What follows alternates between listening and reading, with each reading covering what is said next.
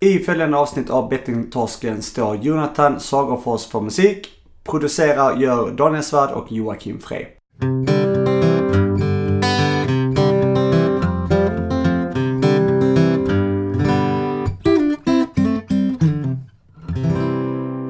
Hallå. Nu ska jag ringa Daniel. Han är riktigt arg.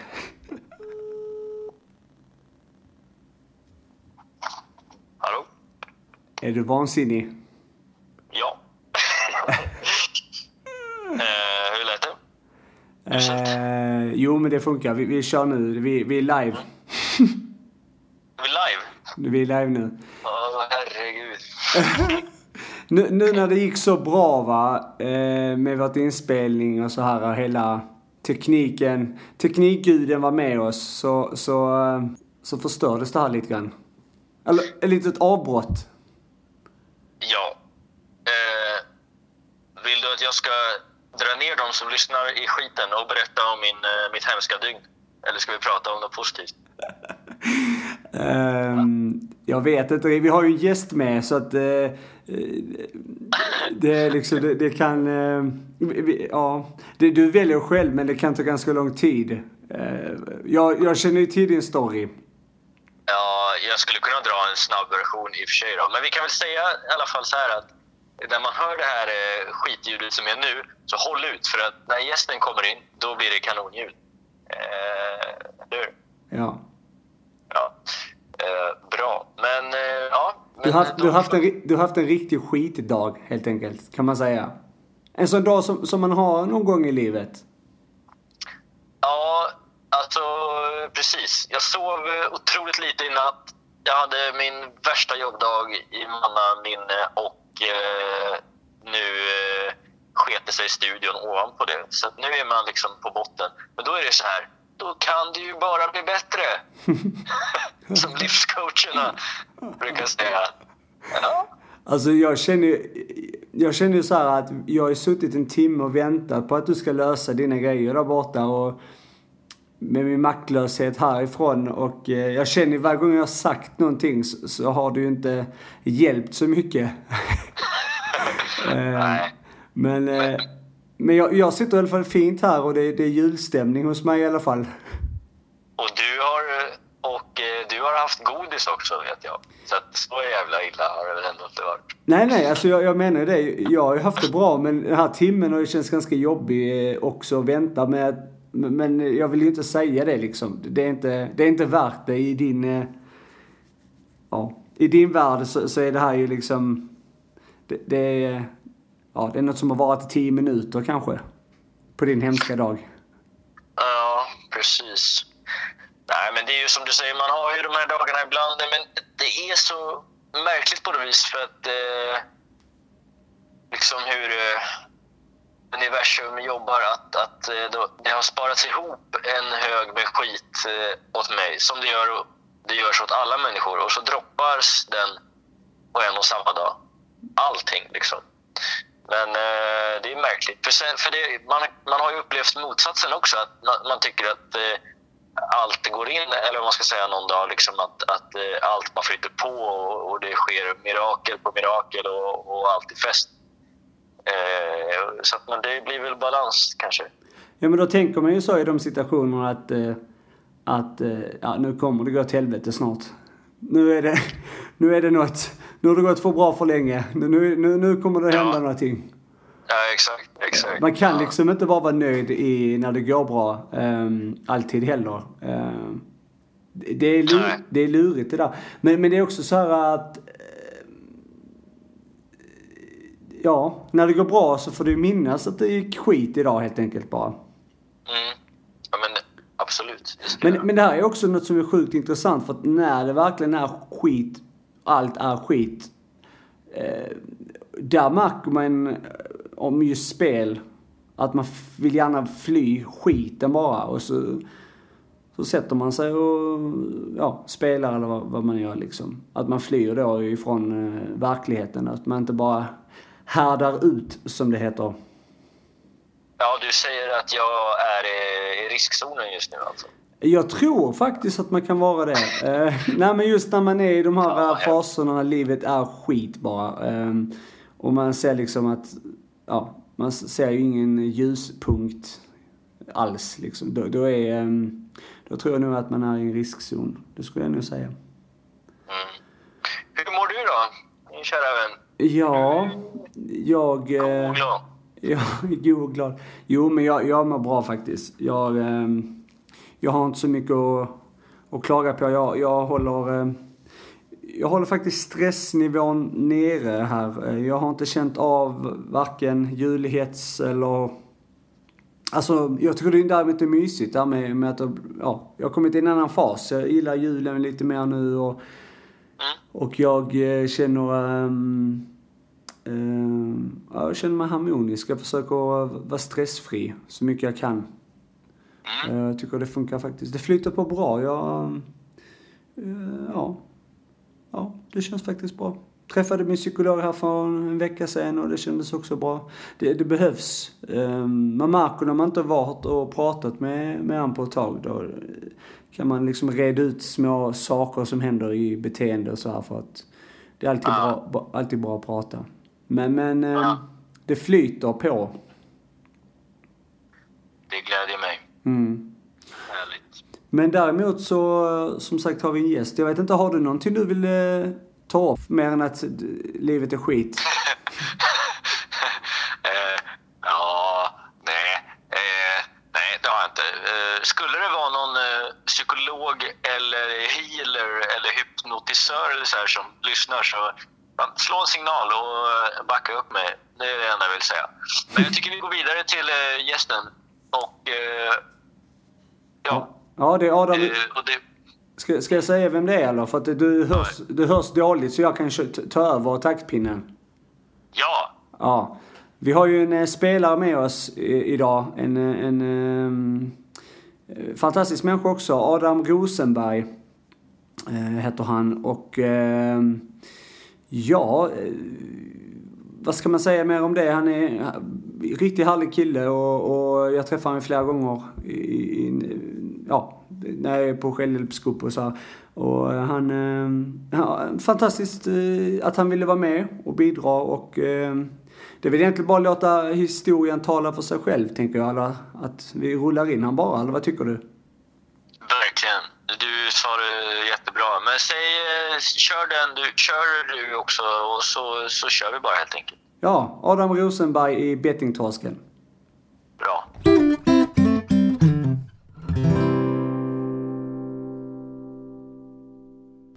Ja, då är vi igång med avsnittet med Adam. Välkommen. Tackar. Välkommen Jocke.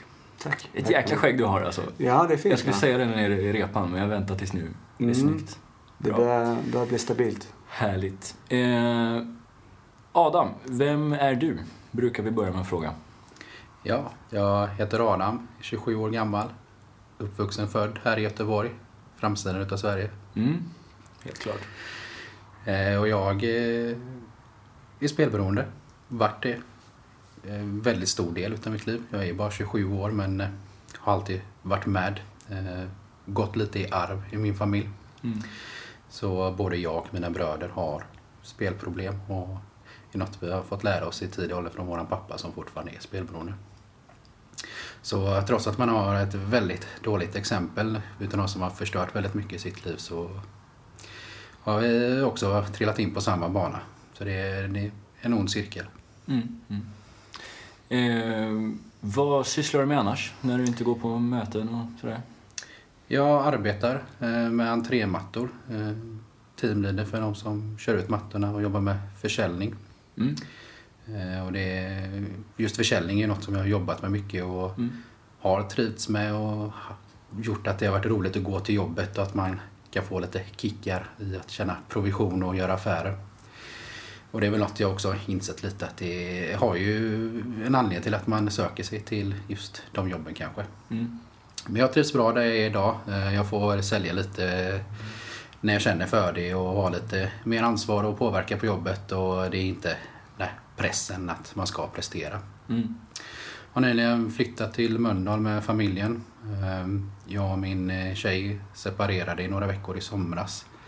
Det var sista gången det kom fram att eh, jag hade spelat igen då under vårt förhållande. Men eh, vi har lyckats att komma tillbaka och det har blivit en bra nytändning. Vi har flyttat. Eh, jag och tjejen mår bättre än vi har gjort eh, på många, många år. Och barnen eh, trivs på förskola och får ha sin pappa väldigt mycket mer närvarande idag än vad de har haft innan. Mm. Härligt. Ehm, förutom, har, har du några fritidsintressen? Och sånt som du, hobby? Man har inte så mycket fritid när man har en tvååring och fyraåring. Men eh, tycker det är roligt att titta på serier, läsa lite. Vi har Mm. hund också så vi går ju en del Mhm. promenader och Mm. lekplats och sånt där. Eh, tittar på en del sport. Det, Mm. det är lite känsligt. Eh, jag tycker det är roligt med fotboll och ishockey och Mm. följa lag och ja, skidåkning och skidskytte och så vidare på vintern. Men eh, det är lite känsligt fortfarande. Det är, det är inte så länge sedan jag slutade spela nu senast den här vändan och eh, den här gången så har väl också min respektive tagit det mer eh, seriöst att eh, vad ska man göra och vad ska man inte göra och hur vi konkret ska bete oss för att eh, öka möjligheterna till att jag ska hålla mig spelfri. Mm. Och eh, det är ju lite kontroversiellt att titta på sport men jag, jag tycker det är väldigt roligt så jag försöker att titta ibland men inte för ofta. För blir att jag tittar tre kvällar på raken på Champions League och annat så tycker hon att det är lite jobbigt. Hon tycker inte om fotboll heller så det är Ja, okej. en anledning. Men är det så att det, tri- alltså det känsliga, att det, känner för dig att det triggar spelsuget eller är det bara att det blir för mycket sport? Jag känner inte att jag blir spelsugen. Eh, man har ju tänkt väldigt mycket den här vändan i och med att det- har väl insett att just den här gången så vill jag själv också till 100% sluta. Eh, tidigare gånger jag slutat spela så tror jag att det har varit att jag vet att jag borde sluta. Men innerst inne så vill jag inte riktigt göra det. Mm. Men eh, nu vill jag sluta spela och då har jag väl insett att eh, saker och ting triggar mig inte så som det har gjort innan. Mm. Eh, det enda som kan göra att jag får en dum tanke det är väl mer när man har lite ångest och jag känner ekonomiskt sett allt man har förstört och påverkat. Och, ja, vi bor i en hyresrätt och vi kommer inte kunna köpa något på ja, ganska många år. Och lite mer sånt är ju sånt man tycker är jobbigt och som gör att som spelare och som spelberoende att man hade ju gärna velat hitta en enkel och snabb utväg men där får man ju inte att det, det finns inga snabba lösningar utan man måste göra jobbet för att ta sig tillbaka. Vad är det för serier som går nu? Du sa att du gillade serier. Är det någon du inte rekommenderar? Nej, jag bara tänker så här.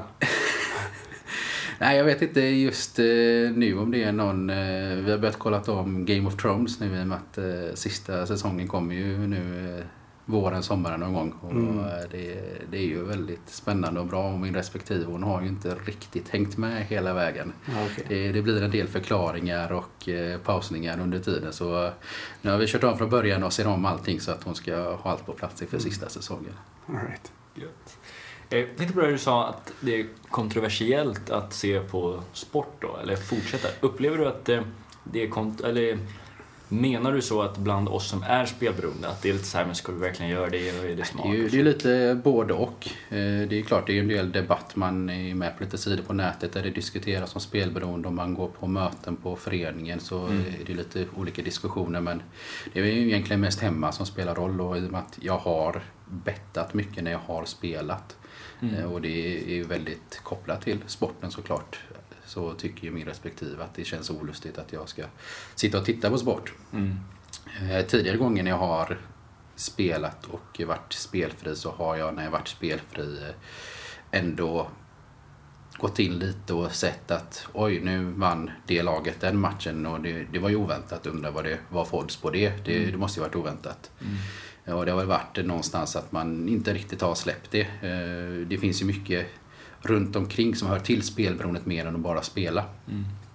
Och det är ju sånt man får tänka om lite. Så även sådana här resultatappar där man har gått in och tittat vad det blir i matcher och sånt där. Där, där står ju oddsen och det är ju reklam och sånt där. Så det, det har jag tagit bort. Så ska jag gå in och titta vad det har blivit i en match då får jag gå in på webbläsaren i telefonen och kanske då titta på SVT eller Aftonbladet eller ja, på något annat sätt där det är eh, lite krångligt, mer krångligt att komma in att man inte sitter och stirrar på det hela tiden men också att man inte har det med bara ett klick och får upp odds och alla de här bitarna. Mm. När man ska gå in och titta vad står det i den här matchen. Att det står live odds 2,5 gånger pengarna och, och sånt där.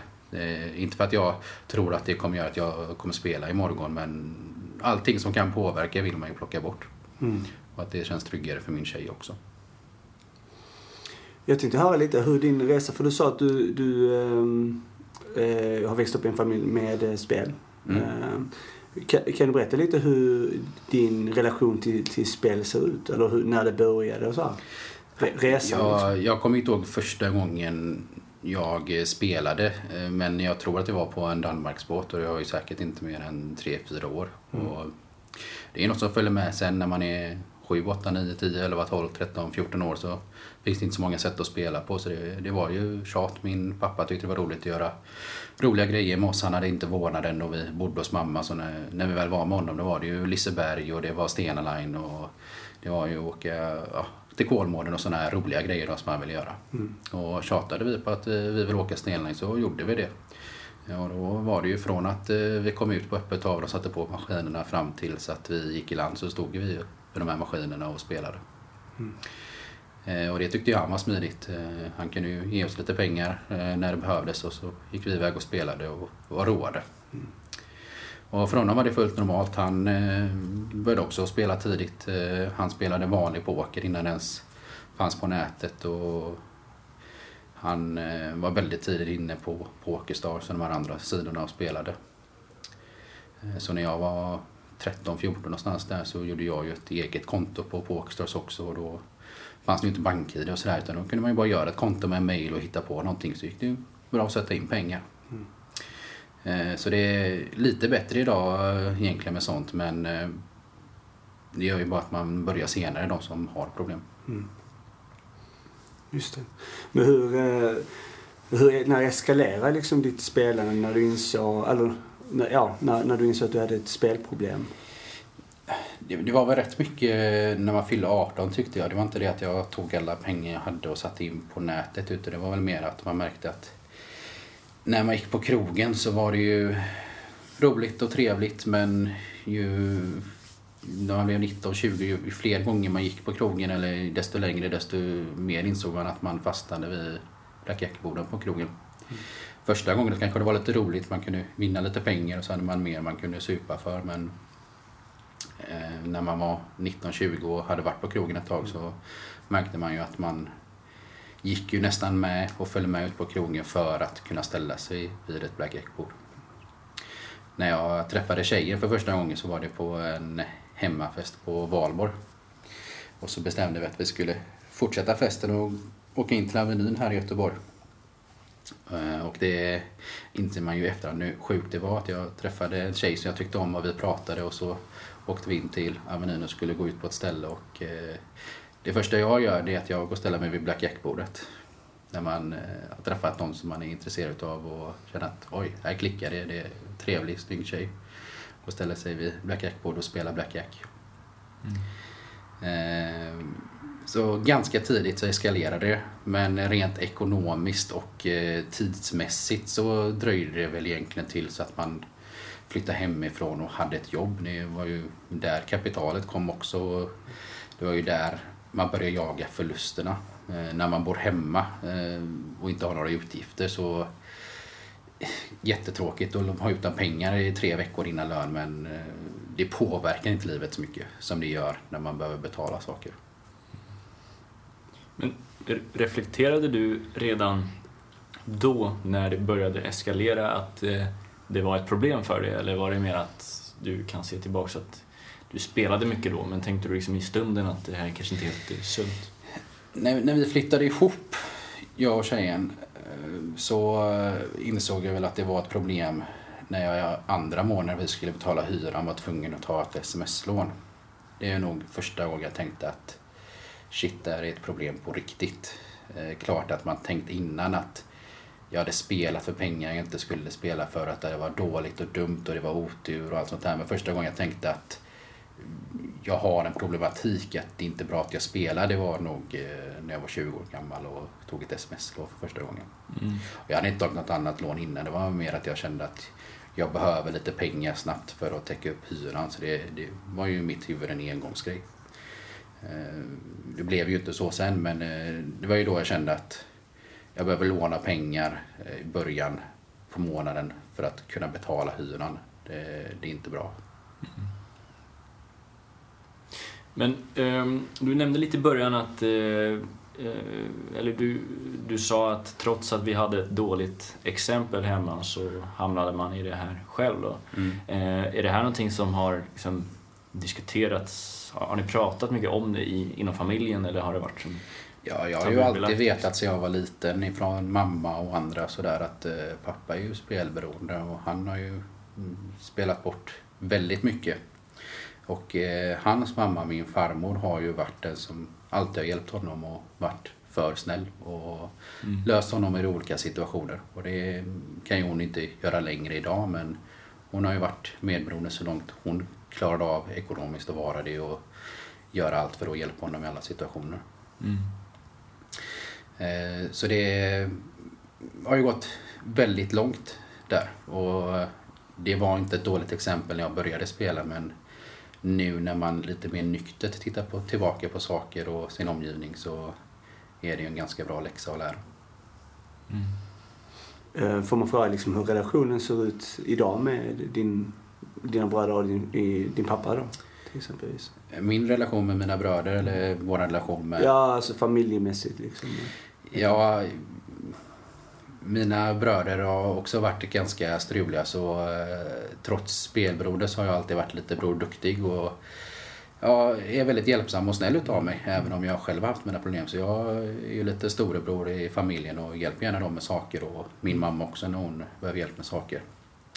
Eh, när det gäller relationen till pappa så är det väl eh, min yngsta bror som har bäst kontakt med honom.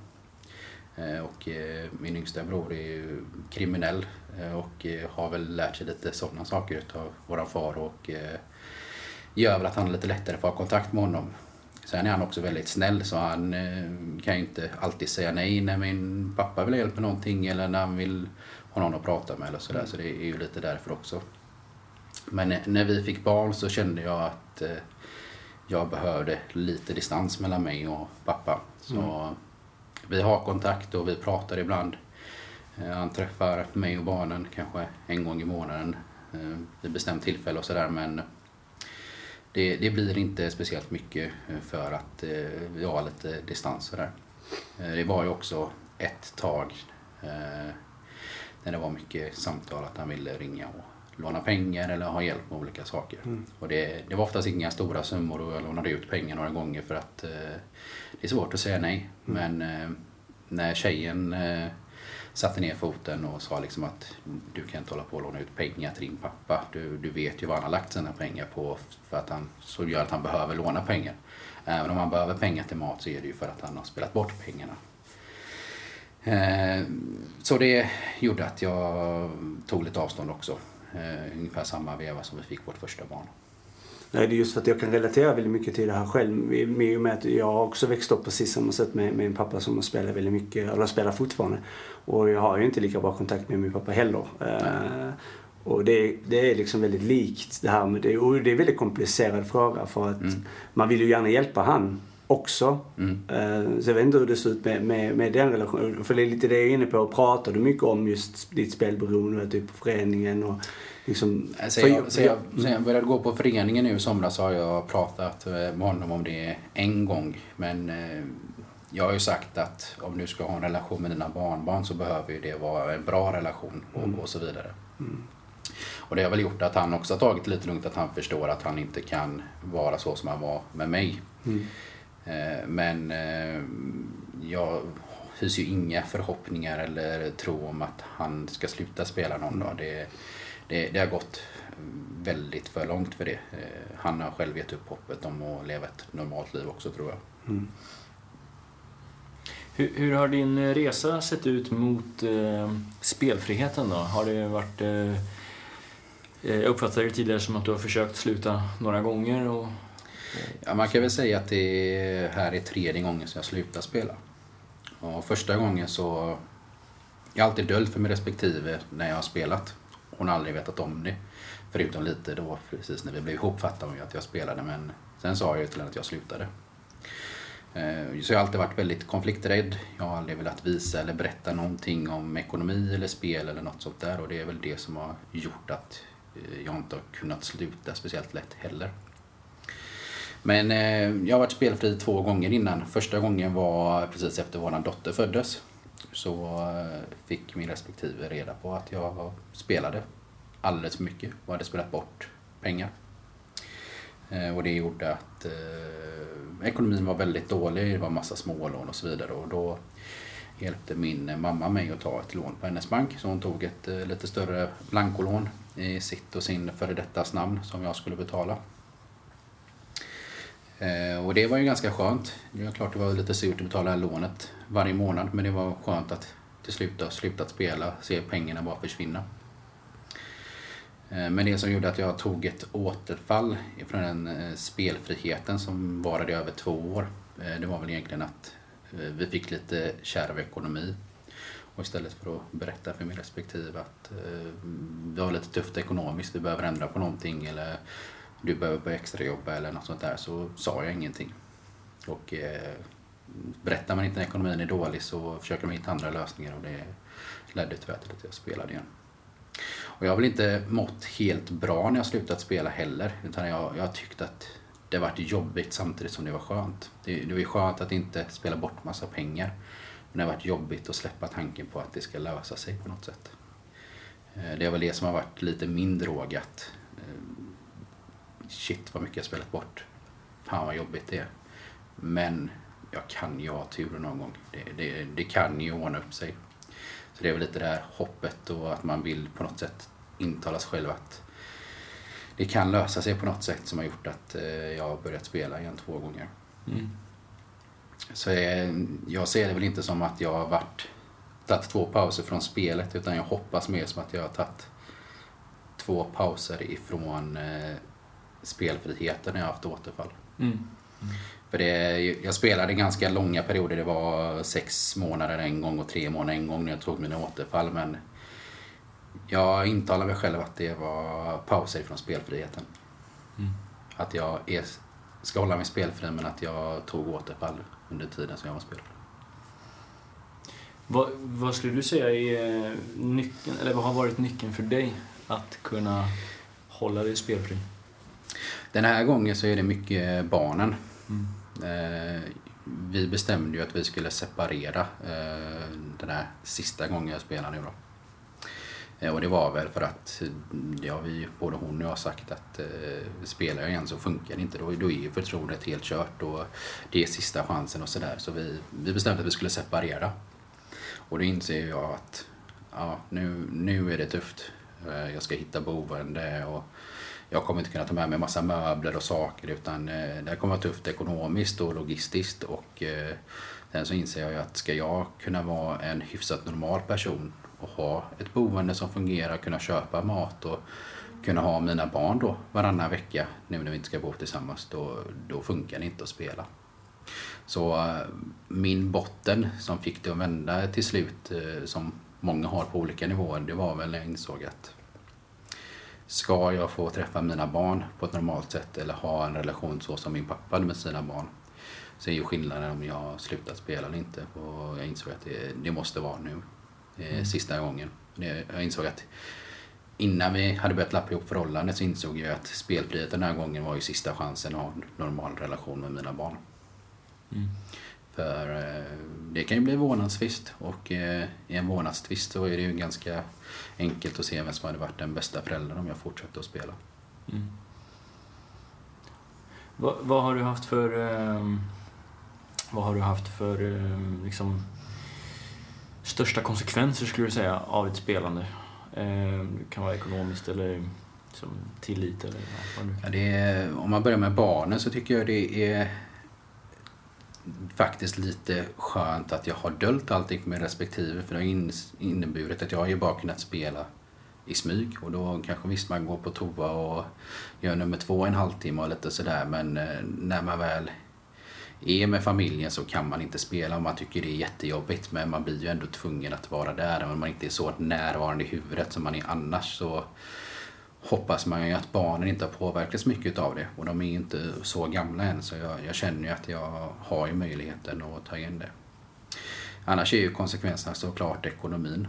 Man inser ju att hade inte jag varit spelberoende så hade vi kunnat ha en egen lägenhet eller ett eget hus som vi bor i idag. Men det absolut värsta det är ju att jag vill spendera resten av mitt liv med min respektive och det har hängt och klart att det egentligen fortfarande gör det på en skör tråd, eh, vårt förhållande och vårt liv. Och det påverkar ju barnen precis lika mycket som om jag spelar eller inte. Och hur mycket närvarande är att vi är en fungerande familj och har en relation. Eh, känner jag en stor skillnad för barnen att eh, få växa upp tillsammans med båda sina föräldrar och två lyckliga föräldrar. Mm. För mina föräldrar var inte så bra kompisar när de separerade och eh, fortsatte inte vara det heller. Det var ju lite smutskastning och problem mellan dem också.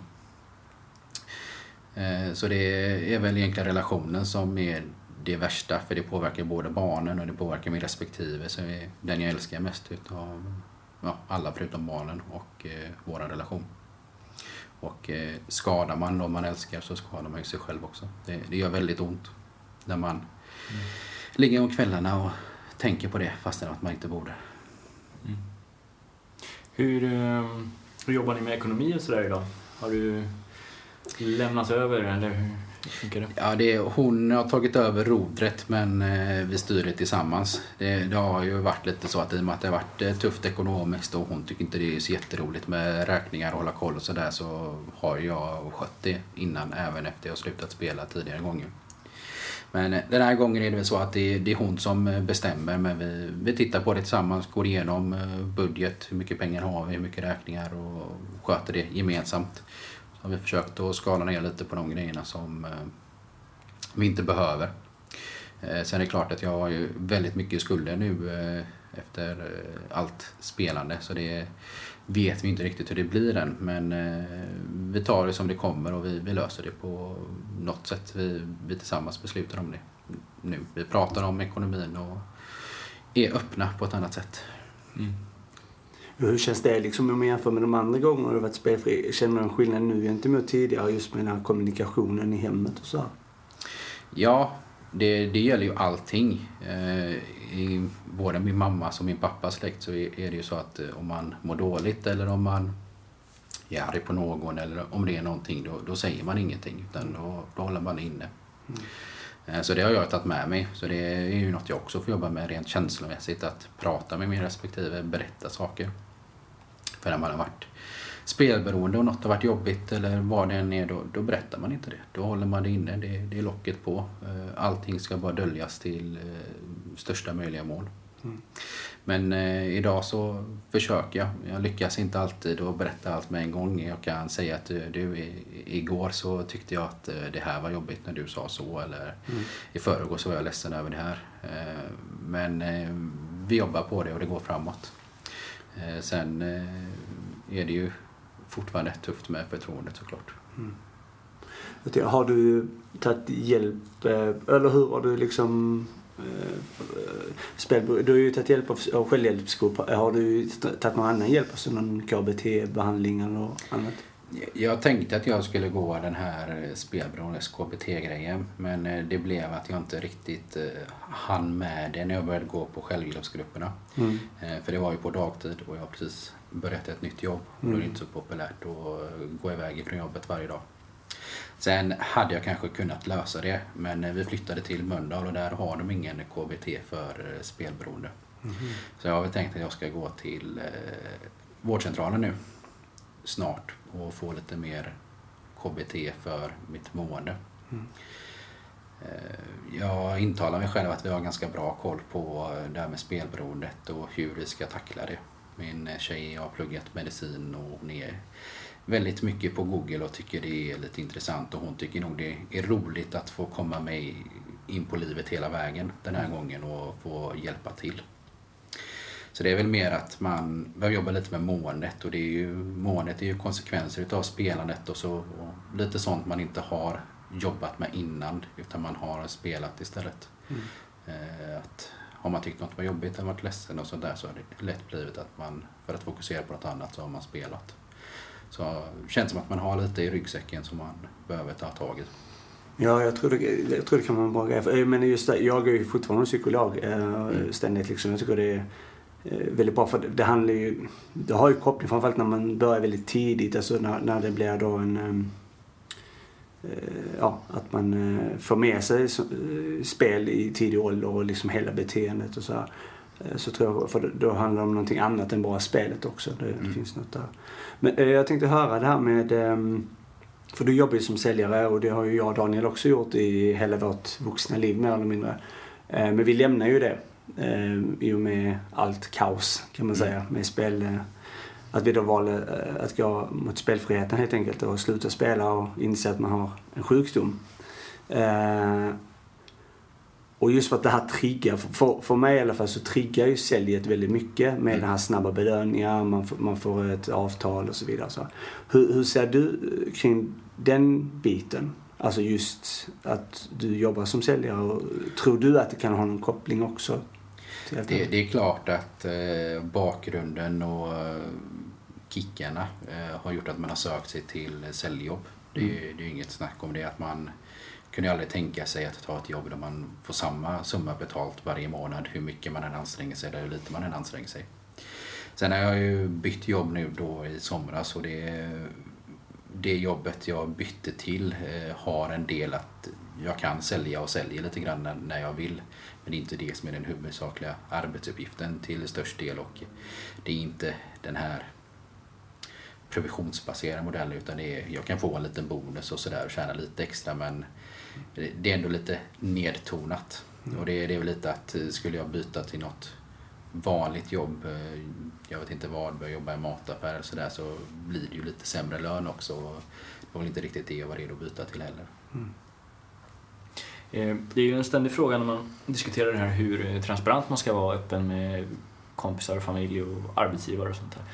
Nu är du med i den här podden så det är väldigt öppet men hur, hur har du tänkt annars kring det där? Pratar du till exempel med, du sa att du har bytt jobb. Mm. Eh, har du haft det snacket med dem också, att eh, berättat om din bakgrund och så här, eller hur tänker du? Eh, Just på jobbet är det ju lite känsligt för det är en liten firma. Min närmsta chef är VD och ägare.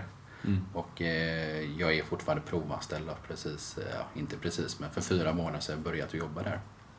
Så jag, jag har ju sagt till mig själv och till min respektive och när vi pratar om det att eh, det är klart att jag måste ju berätta. Jag, jag kommer ju få löneutmätning snart och så vidare. Så jag, jag måste ju berätta innan det. Det, det är ju inte snyggt då att eh, de ska få brev från Kronofogden.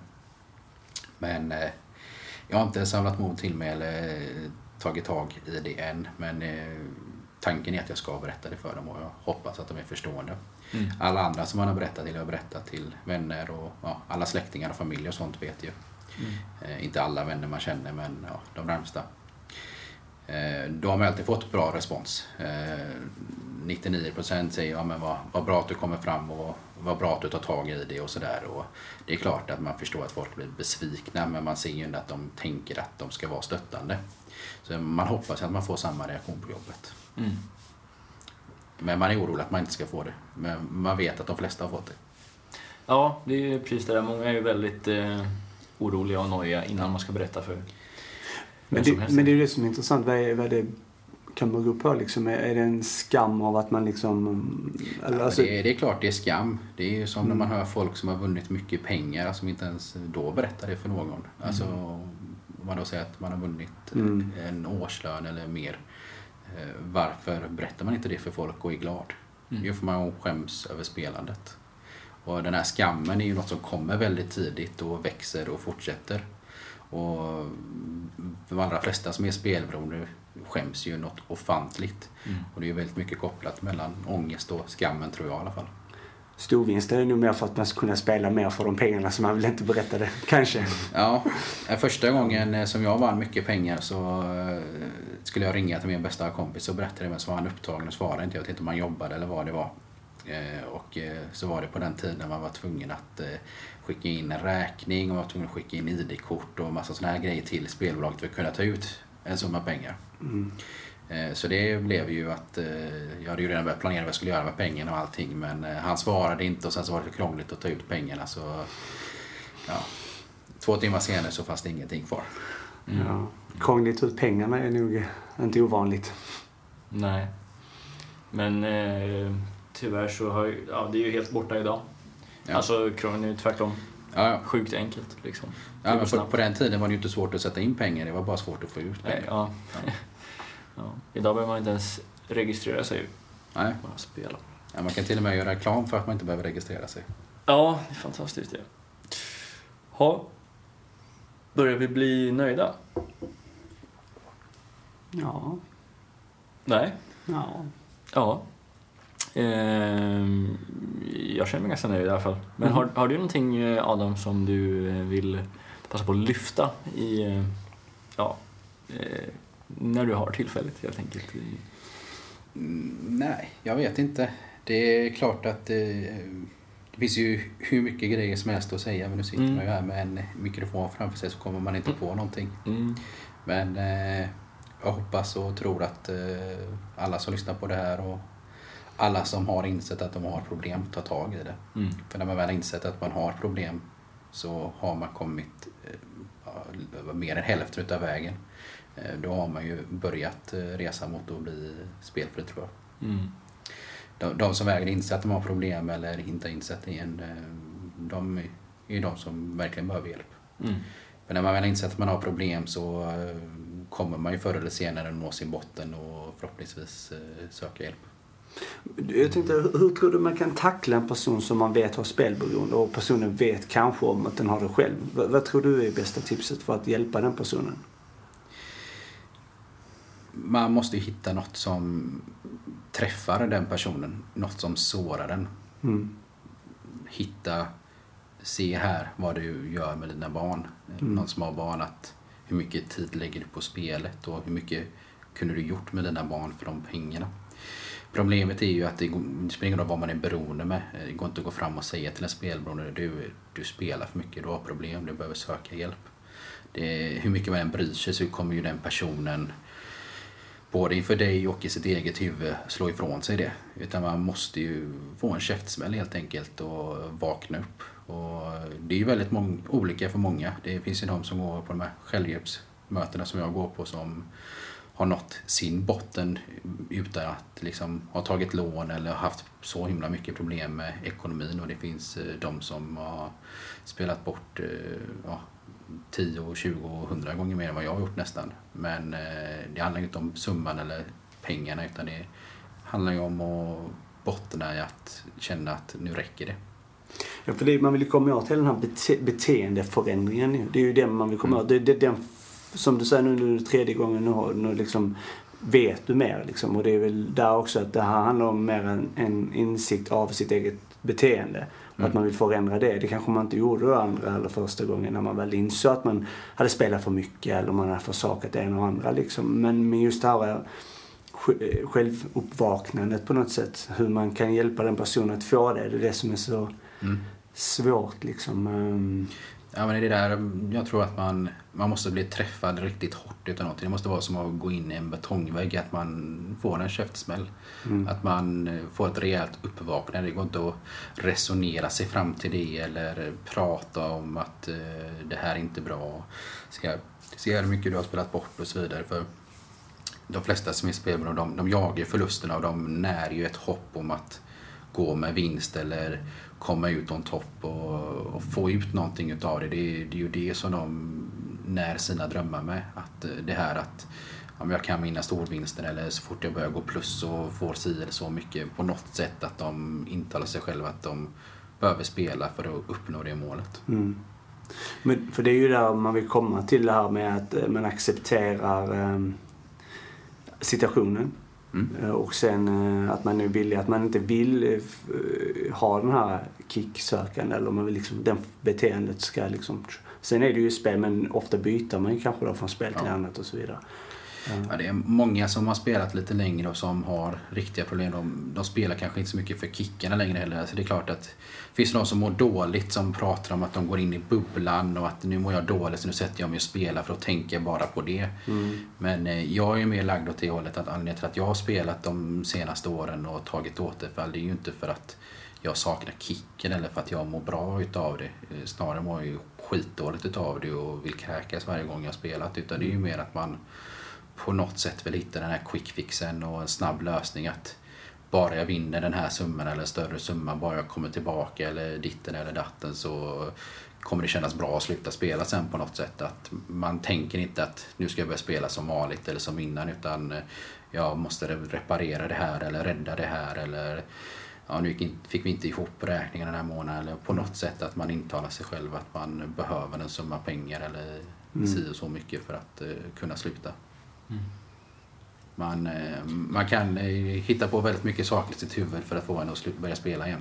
Jo men så är det ju. Och sen så är det lätt att man kommer tillbaka till en trygghet man har upp i. Alltså till exempel som man har börjat spela tidigt. Jag tänker liksom i och med att vi har, eller vi, man kan relatera till varandras föräldrar, alltså pappa då, för din och min och det liksom, de är ju sin egen bubbla fortfarande. Man liksom ska in där i den bubblan och mm. bara, vi måste bryta den här cirkeln nu och du ja, måste följa med.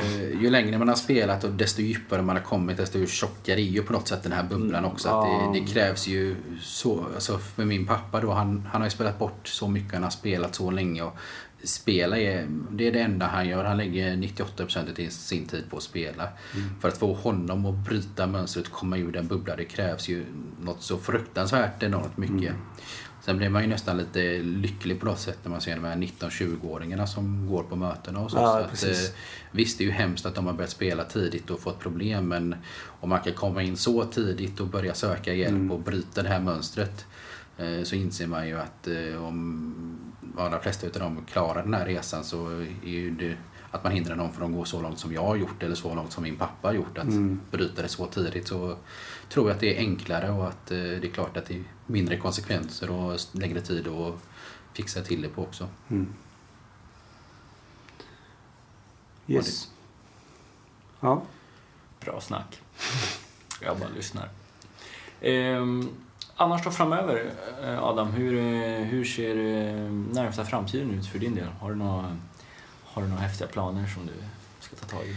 Det, det hänger ju en lönemätning och att man ska behöva ställa sig emot det där skuldberget man har jobbat fram och på något sätt tackla det som hänger lite över en. Mm. Och jag, jag började jobba direkt efter gymnasiet för jag ville ju ha pengar. Det är ju pengar som gör att man börjar spela också. Att man tror att det är snabba pengar man kan få på något sätt. Eh, så jag har ju inte utbildat mig till något utöver gymnasiet. Så där har jag funderat på lite att om jag ändå ska ha det tufft ekonomiskt och söka skuldsanering eller ha löneutmätning och sådär så kanske man faktiskt skulle passa på att göra något med sitt liv innan man blir lastgammal. Du är yngst i rummet i alla fall. Ja, exakt. Ja. Lastgammal.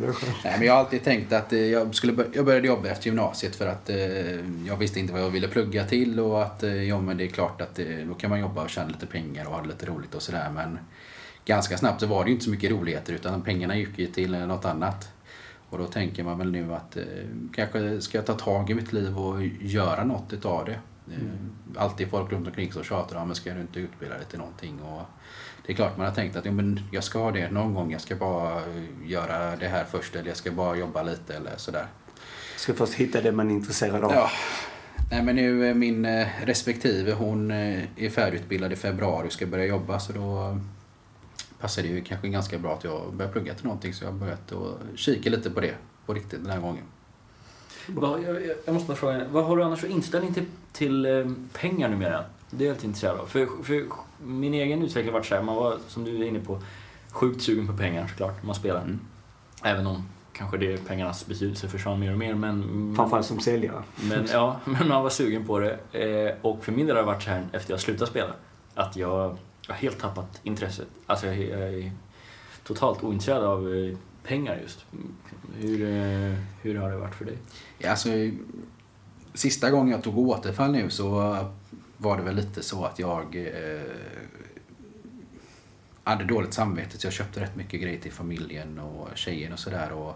Om jag tog ett lån som var för att betala hyra men egentligen var för att spela så kanske man köpte en laptop till tjejen och sådär. Det var ju utav dåligt samvete och man har ju insett nu att man, man behöver inte massa nya prylar och sånt, grejer och sånt hela tiden.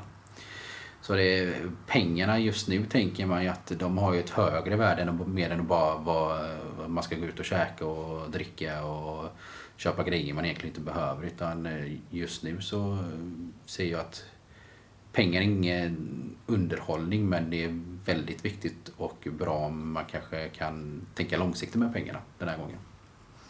För innan har jag bara mått dåligt över att jag inte haft några pengar när jag slutat spela. Nu känner jag att nu har jag slutat spela så nu kanske man kan samla upp lite pengar så att ja, vi kunde haft en bostad idag men nu kanske vi kan ha en bostad om fem eller sex eller sju eller åtta år i alla fall. Och då, då har man ganska långt kvar på livet och kan utnyttja den här bostaden i alla fall. Mm. Jag har en sista avrundningsfråga här kan man säga. Eh, vad har du att rekommendera oss i, i livet? Det behöver inte handla om... Så här, det är alltid så samma. Det behöver inte handla om spel. Eller något sånt. ja, men bara en rekommendation. Vad har du att rekommendera oss i livet? Det finns ju många klyschor. Men jag tycker ju den här gamla som eh, man alltid får höra, fånga dagen, är ju väldigt klyschig och kan vara svårt att ta på men man, eh, jag tar det som att man ska uppskatta de små sakerna. Eh, man måste inte åka till Spanien en vecka för att vara lycklig. Man kan vara lycklig när man är hemma också och man måste hitta saker som man mår bra utav och som man blir lycklig utav. Och för mig är det barnen väldigt mycket. Som eh, vi på lördag idag känner att eh, nej men, det är lite tråkigt att bara sitta hemma. Då tycker jag också det är roligt att gå till lekplatsen med dem. Innan så var det ju, när man spelade så var ju det lekplatsen, det var ju en stund man inte kunde spela så det var ju lite jobbigt och tråkigt. Men att gå med lekplatsen, till lekplatsen med dem är något som inte kostar några pengar och något som de tycker är roligt och man blir glad när de har det roligt. Och när man får en positiv energi i familjen. Så eh, ja, det blir lite utdraget och konstigt men just det här att hitta små grejer som man blir lycklig av. Mm. Eh, som man mår bra utav. Man behöver inte åka till Spanien om man har sån sommar som vi hade nu. Nej. Heller. Så perfekt. Verkligen. Men det var bra. Man eh, ska ta vara på de små sakerna. Mm. Supertack Adam för att du ville vara med och dela med dig av din story. Det var ja, Ja, tack. fint. Tack så mycket.